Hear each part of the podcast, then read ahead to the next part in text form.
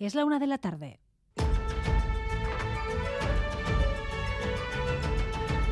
Crónica de Euskadi con María Cereceda. Nueve años y fue mi primer episodio. Estaba jugando Danokbat contra Athletic y desde la grada me gritaron puto mono. Entonces ahí mi ama reaccionó y se armó, se armó una buena en la grada. Me empezó a insultar, a decirme puto negro, yo soy más que tú, tú aquí no eres nadie. Delante del colegiado. Eh, el colegiado al lado hizo caso omiso y al final se fue de rositas. Esto fue en 2017, cuando estaba en el Irún. Se está viendo que no son casos aislados, parece que esto no para.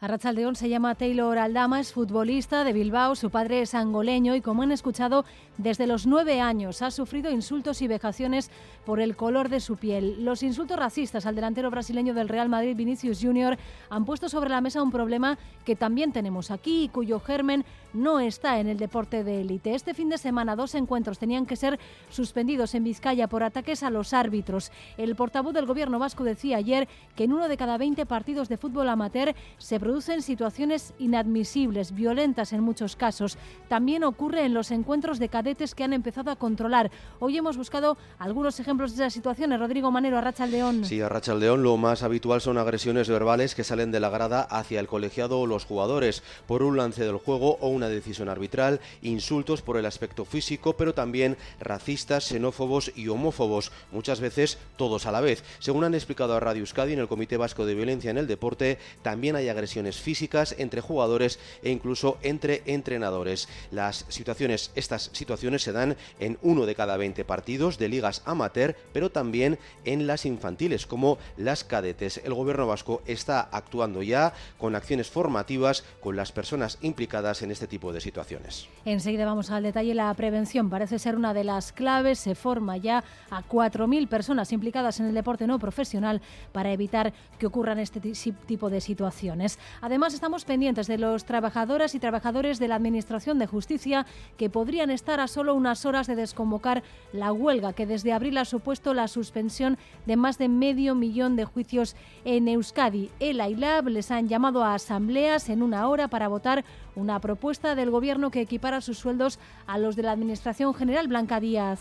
Se estaría acercando el fin de la huelga de los funcionarios vascos de justicia convocada por los sindicatos el AILAB. El Gobierno vasco les ha presentado una oferta en la que se recoge la equiparación salarial con el resto de trabajadores de la Administración y que era su principal reivindicación. Eso supone incrementos salariales que oscilan entre el 12 y el 13%. Dentro de una hora, los dos sindicatos que tienen mayoría sindical han convocado asambleas en las tres capitales vascas en las que van a presentar a los trabajadores el acuerdo. A la espera de la decisión, de momento hoy, ya se han reincorporado a sus puestos de trabajo. Sería el tercer gran acuerdo laboral de las últimas semanas en un momento de gran movilización. Ayer, residencias de Vizcaya y a primeros de mes, el del metal de Guipúzcoa. Hoy Adegui ha presentado su encuesta de coyuntura económica. Mantiene su previsión de crecimiento en el 2%, pero su presidente Eduardo Junquera subrayaba la importancia de acuerdos como este para mantener la estabilidad. Este proceso negociador pone de manifiesto lo positivo y beneficioso de la cultura del acuerdo y de una negociación basada en el diálogo y en la confianza. El escenario de paz social es la mejor y mayor aportación que hacemos los agentes sociales a Guipúzcoa, a sus empresas y sus personas trabajadoras.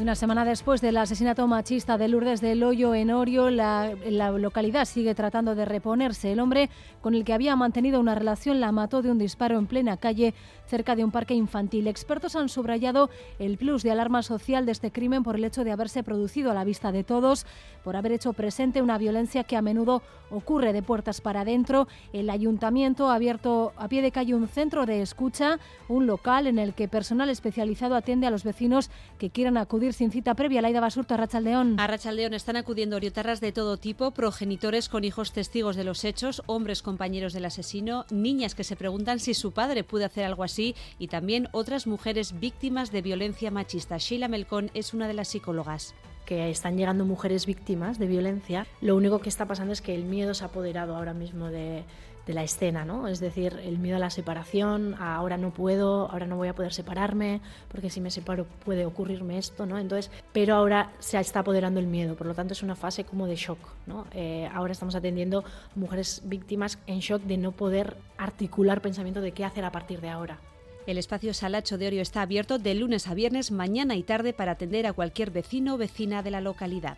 Y cuando aún se investiga en Melilla la supuesta compra de votos por correo para las elecciones del próximo 28 de mayo, nuevo caso en Almería. Hay al menos siete personas detenidas. Nerea Sarrigui, Arachaldeón.